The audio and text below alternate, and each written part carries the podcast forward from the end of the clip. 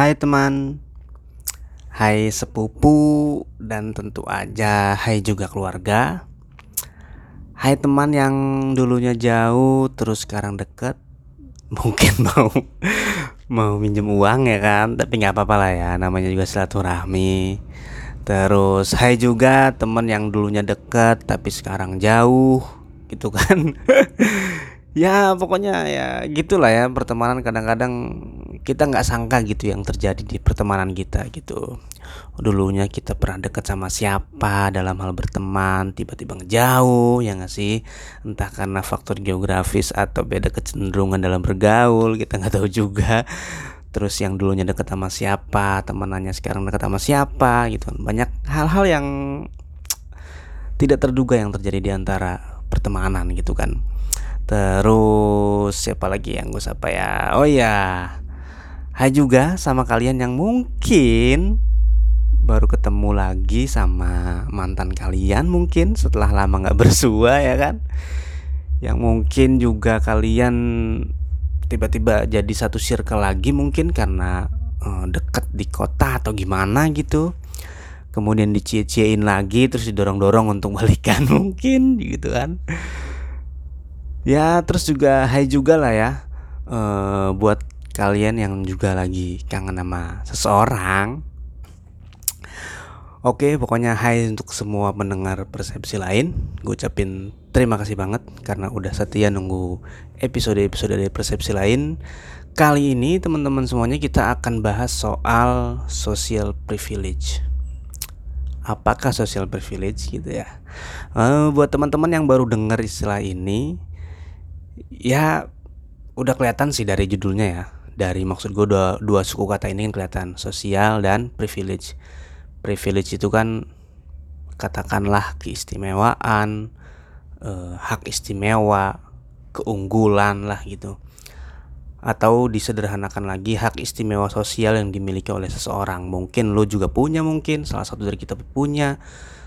E, siapa pun bisa memiliki yang namanya social privilege ini ya gak sih Namanya aja udah jelas privilege, keistimewaan. Tentu dong, uh, di samping dari keistimewaan pasti menguntungkan dong ya kan. Tapi gue akan coba bahas dari the other side, dari persepsi yang lain. Dan untuk membahas ini gue akan mulai dari tweet yang belakangan sempat viral. Kalau teman-teman yang masih aktif di Twitter mesti mesti tahu ini gitu. Tweet ini ngomongin soal menteri kita, salah satu menteri kita yaitu ialah Bapak Nadiem Makarim. Jadi biar gue bacain tweetnya, gini baca ini. Eh gini bacanya, uh, gini isi tweetnya nih dari akun menjadi joyboy. Di situ terpampang jelas foto menteri kita, Pak Nadiem Makarim, dan narasinya begini. Percaya nggak sih orang kaya ini nggak bisa jadi tolak ukur sukses mentah-mentah? Bapaknya adalah Anwar Makarim. Orang sekelas Hotman pernah kerja di bapaknya. Wow, gila dong. Orang sekelas Hotman, Hotman Paris yang suka apa namanya bisa dibilang kelas tinggi lah, suka bawa mobil banyak, 8 lah Ferrari, terus kemudian banyak lah pokoknya mewah intinya. Nah mulai dari tweet itu rame tuh yang bahas tentang uh, privilege atau keistimewaan seseorang yang kadang uh, apa namanya erat kaitannya dengan hal-hal yang diturunkan dari orang tuanya gitu. Ya salah satunya mungkin adalah keistimewaan harta dan keistimewaan pangkat jabatan dan sebagainya gitu. Jadi ada anggapan bahwa ah wajar dong gitu. Dia smart ya nggak sih kan netizen pasti nanggepin di apa namanya di status terkait Nadiem Makarim itu pasti ah wajar dong dia smart. Ternyata sekelas Hotman Paris pernah kerja ke bapaknya berarti bukan anak sembarang orang gitu. Jadi di sini ada anggapan bahwa wajar seorang hmm, Pak Menteri tadi bisa mencapai pendidikan tinggi bahkan di luar negeri ya bukan serta merta garis startnya dari nol gitu. Tapi memang ada apa ya bisa kita katakan anak tangga yang sudah di sudah tersedia lah dan dalam tanda petik dari orang tuanya gitu maka dia mudah mendapatkan itu nah itu maksud gue eh, tanggapan-tanggapan atau persepsi-persepsi dari para netizen. Wajar dong Nadiem Makarim bisa sampai ke titik itu ternyata bukan anak sembarangan gitu. Jadi pertanyaannya adalah social privilege is real? Menurut gue real bahkan sangat real keistimewaan sosial itu. Tapi ada satu catatan yang pengen gue share ke teman-teman bahwa social privilege hanya akan jadi judul semata kalau kita nggak berusaha menurut gue. Uh, kita sederhanakan tetap aja sih kan orang yang ditinggalin warisan sebanyak apa pun gitu atau mungkin dia ditinggalin perusahaan segede apa pun tetap akan jatuh satu saat nanti kalau dia nggak bisa manage kalau dia nggak punya ilmunya ya nggak sih? Jadi maksud gue social privilege is just how you start it gitu jadi cuma cuma jadi gimana lo mulai dari garis mana lo mulai bukan cara lo nyelesain dan gapai impian atau karir lo. Gue pernah nonton di salah satu akun YouTube gue lupa sih akun YouTube-nya apa ya. Tapi intinya ada seorang motivator gitu di luar negeri dia uh, ngebahas tentang social privilege privilege lebih tepatnya gitu. Kemudian dia bawa pesertanya ke luar ruangan ke lapangan terbuka gitu kan ke lapangan bola. Nah terus dia dia jajarin tuh semua peserta uh, apa namanya semua peserta acaranya. Dia jajarin di garis start yang sama. Taruhlah di depan gawang misalkan. Kebayang ya? Mudah-mudahan sih uh, kebayang nih yang gue ceritain. Jadi dia jajarin semua peserta itu di lapangan. Kemudian dia jajarin di satu garis yang sama. Persis suruh baris semuanya sama dia nah itu kan garis start tuh kemudian kata dia yang kondisinya sama persis dengan apa yang saya ucapkan, tolong maju satu langkah kata dia. Jadi di apa namanya beberapa menit kemudian setelah dia jajarin dia akan bilang satu kondisi atau satu keadaan yang ngerasa keadaannya sesuai kata dia eh, agar maju satu langkah kata dia. Pertama dia bilang yang ngerasa orang tuanya masih ada dua-duanya silakan maju kata dia gitu sebagian peserta ada yang maju, ada juga yang diam karena mungkin ada yang sudah menjadi yatim atau yatim piatu gitu. Oke kata dia. Itu adalah uh, pernyataan pertama. Kemudian dia bilang lagi yang penghasilannya katakanlah kalau di Indonesia di atas angka 7 juta per bulan kata dia. Yang merasa demikian silakan maju. Oke tuh. Maju lagi satu langkah ya kan? Jadi ada yang sudah dua langkah maju, ada yang baru satu langkah maju, gitu kan. Kemudian dia bilang lagi, yang ngerasa semua aset kekayaannya kalau dihitung melebihi katakanlah 3 miliar kata dia. Entah harta yang mati, maksudnya tanah, rumah segala macam atau aset uh, di saham segala macam kalau dijumlahkan totalnya aset kekayaannya adalah 3 miliar. Yang merasa demikian silahkan maju kata dia. Ada lah gitu yang maju kan? Ada yang udah maju tiga langkah kalau memang kondisinya pas banget ya punya orang tua ya pendapatannya 7 juta ya aset kekayaannya melebihi 3 miliar gitu. Ya yang tidak memiliki uh, tiga hal yang disebutkan tadi tetap dong di garis start itu kan? Terus kata dia oke okay, uh, eh, sekarang yang ngerasa apa namanya e, orang tuanya masih bisa hidup sendiri. Dalam artian e, orang tua masih berpenghasilan tapi tetap si aset itu punya dia sendiri gitu bukan punya orang tuanya kata dia. Maju oke okay, maju. Nah dari sini kan di garis awal tadi udah kesaring kan mana yang apa ya istilahnya mana yang lengkap gitu.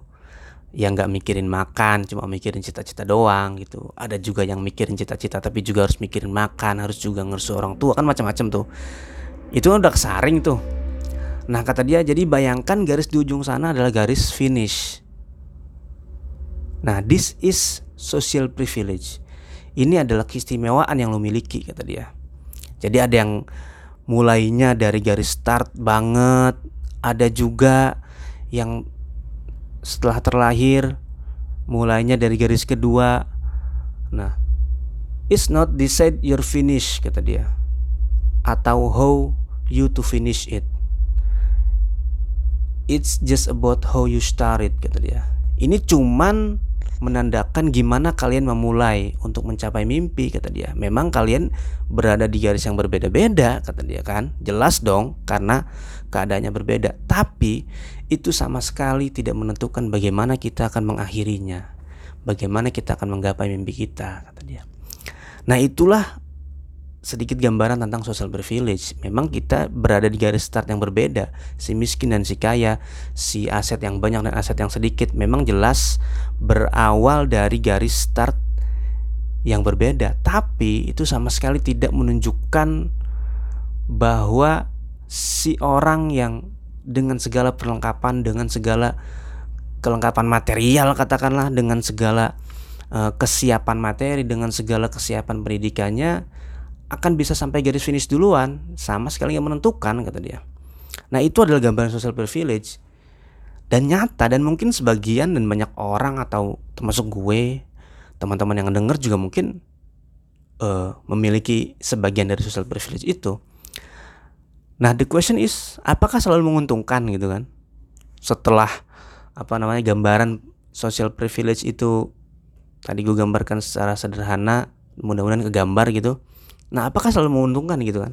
Padahal jelas artinya adalah uh, keistimewaan gitu. Tapi apakah selalu menguntungkan gitu?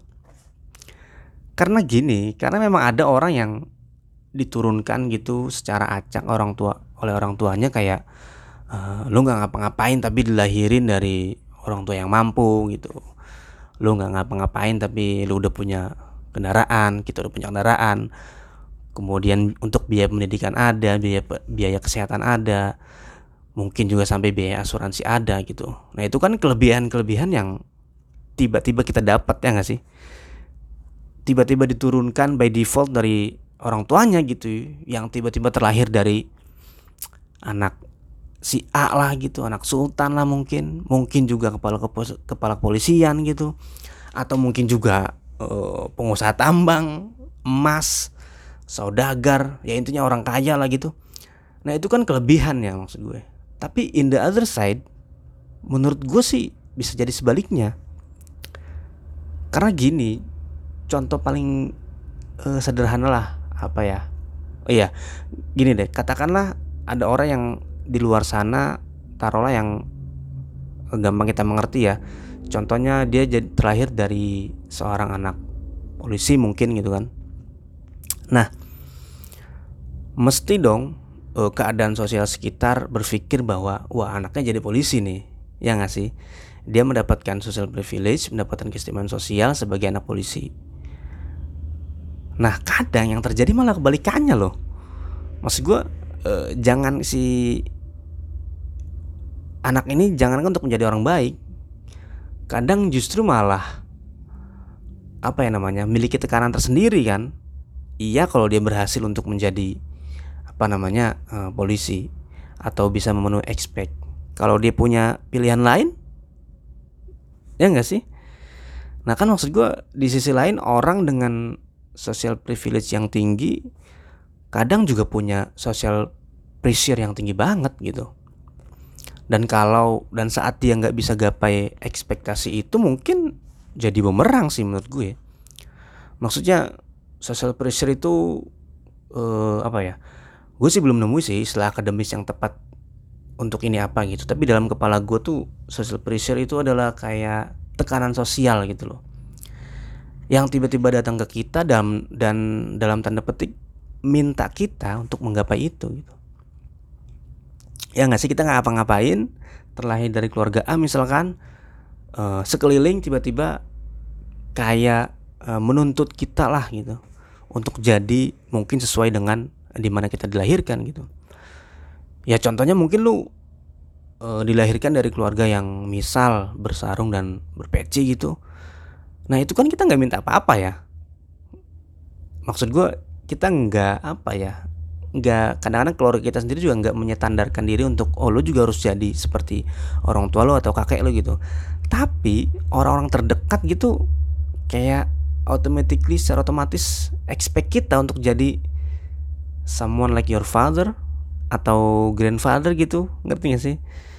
Jadi maksud gue itu kan bisa jadi pressure tersendiri ya nggak? Bisa jadi tekanan tersendiri gitu. Iya kalau mampu kalau enggak kan repot ya kan? Kita selalu dibayang-bayangi mungkin dengan rasa bersalah mungkin juga malah jadi beban tersendiri dalam hidup karena tiba-tiba kita dibebani dengan hal yang tidak kita sukai mungkin gitu. Ya belum lagi kalau ternyata kita punya pandangan lain dalam hidup kan. Maksud gue uh, orang tuanya A siapa tahu ketika dia menjalani uh, pendidikan menjalani kehidupan pergaulan segala macam dia punya pandangan lain untuk melanjutkan hidup di jalan yang lain maksud gue Nah di saat yang sama kita milih jalan yang lain Yang padahal itu nggak salah sama sekali gitu Sementara semua orang tuh kadang-kadang nggak nggak melek bahwa setiap orang punya jalan hidup masing-masing. Nah itu kan yang repot tuh. Kadang-kadang memilih jalan yang berbeda kan nggak mesti salah, ya nggak sih? Memilih jalan hidup masing-masing kan nggak mesti harus didikte dengan di mana kita dilahirkan. Nah kadang orang-orang tuh nggak nggak open gitu dengan dengan hal, tersebut gitu. Karena gue sempat berpikiran sih bahwa ada orang di luar sana yang udah mungkin diturunin usaha lah gitu dari orang tuanya. Pokoknya kamu kuliah habis kuliah kamu usaha misalkan gitu kan. Tapi dia tetap kerja. Maksud gue dia tetap apa ya? Ya punya pandangan lain untuk untuk ngabisin hidupnya untuk apa gitu. Karena kan nggak cuma juga hal materi tapi juga kan Eh, kita jadi apa itu maksud gue lebih tentang kepada bagaimana kita menghabiskan sisa hidup kita kan gitu. Ada juga mungkin orang yang disiapin jabatan penting gitu di masyarakat atau perusahaan lah katakanlah gitu. Tapi dia malah milih kerja 8 to 5 mungkin. Ya kan bisa aja. Toh maksud gue eh, pilihan-pilihan seperti itu harus juga kita buka maksudnya harus kita maklumi juga karena orang punya punya pandangan masing-masing. Toh tetap sih menurut gue e, di dalam satu generasi di dalam satu generasi keluarga lah katakan atau mungkin keluarga besar gitu harus ada pos-pos yang diisi oleh even mungkin adalah keluarga besar e, apa namanya aparat polisian kiai mungkin atau juga politisi. Tapi kan harus ada pos-pos yang diisi oleh dalam satu generasi itu macam-macam pos gitu lah tinggal kita bisa ngebuka mata enggak nih bahwa memang kenyataan hidup adalah jalan hidup banyak banget gitu. Menurut gue sih itu social privilege bisa juga jadi bumerang buat kita. Belum lagi kan social privilege itu erat kaitannya sama keturunan ya maksud gue. Nah dalam hal ini tuh biasanya sensitif nih tentang masalah uh, keturunan yang biasanya mohon maaf maaf kadang-kadang jadi ajang apa ya gengsi lah mungkin lah ya. Nah justru dengan hal itu dengan sensitivitas keturunan itu menurut gue sih ada rambu-rambu deh kayaknya. Untuk hal itu harus ada rambu-rambu karena fenomena yang sangat disayangkan sih menurut gue. Banyak orang yang kadang-kadang apa ya uh, berlebihan gitu berlebihan untuk bangga yang kadang-kadang terlalu show off banget gitu dia keturunan siapa gitu. Eh gue keturunan ini nih gitu tuh. Ya itu sih nggak salah sih dan wajar. Bahkan harus sih gue bilang.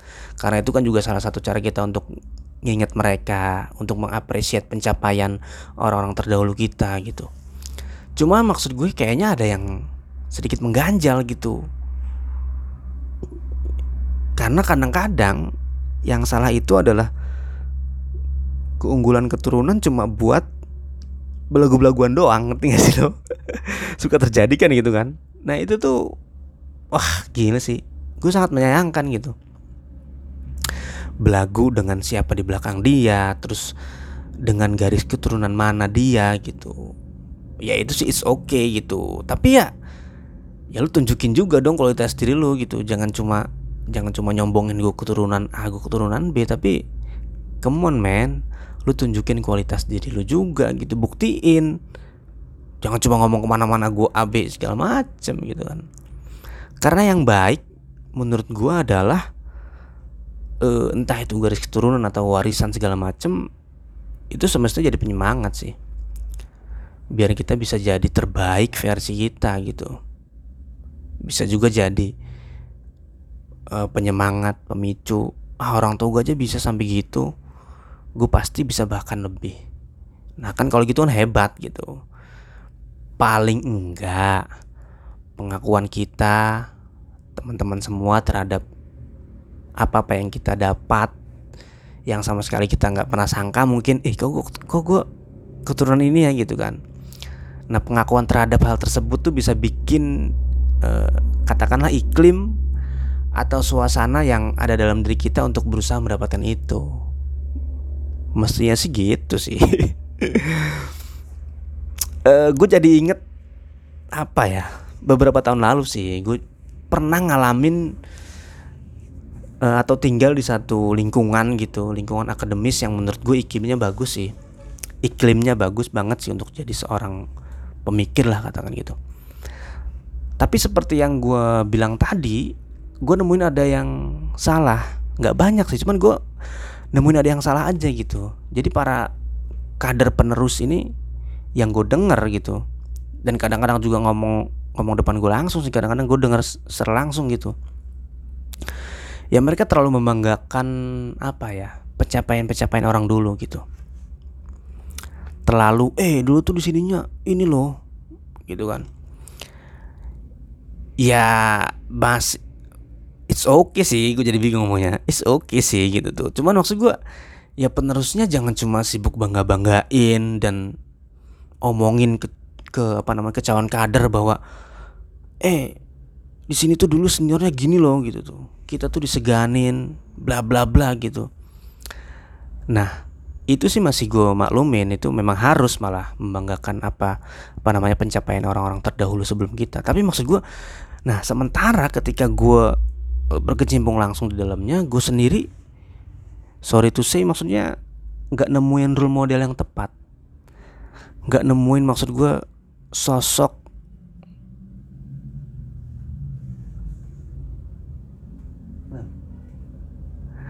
nggak nemuin sosok karena rekamannya di rumah ya tiba-tiba ada yang manggil jadi harus jadi uh, gue nggak nemuin sosok apa ya uh, role model yang tepat sampai mana tadi lupa gue. Nggak menemuin uh, role model yang te yang tepat gitu. Nggak nemuin sosok yang ah gue pengen jadi dia nih gitu. Gue nggak nemuin gitu. Ya yang menyebabkan hal itu sih banyak kemungkinan ya. Entah karena memang nggak ada yang cocok sama gue gitu jalan pikirannya.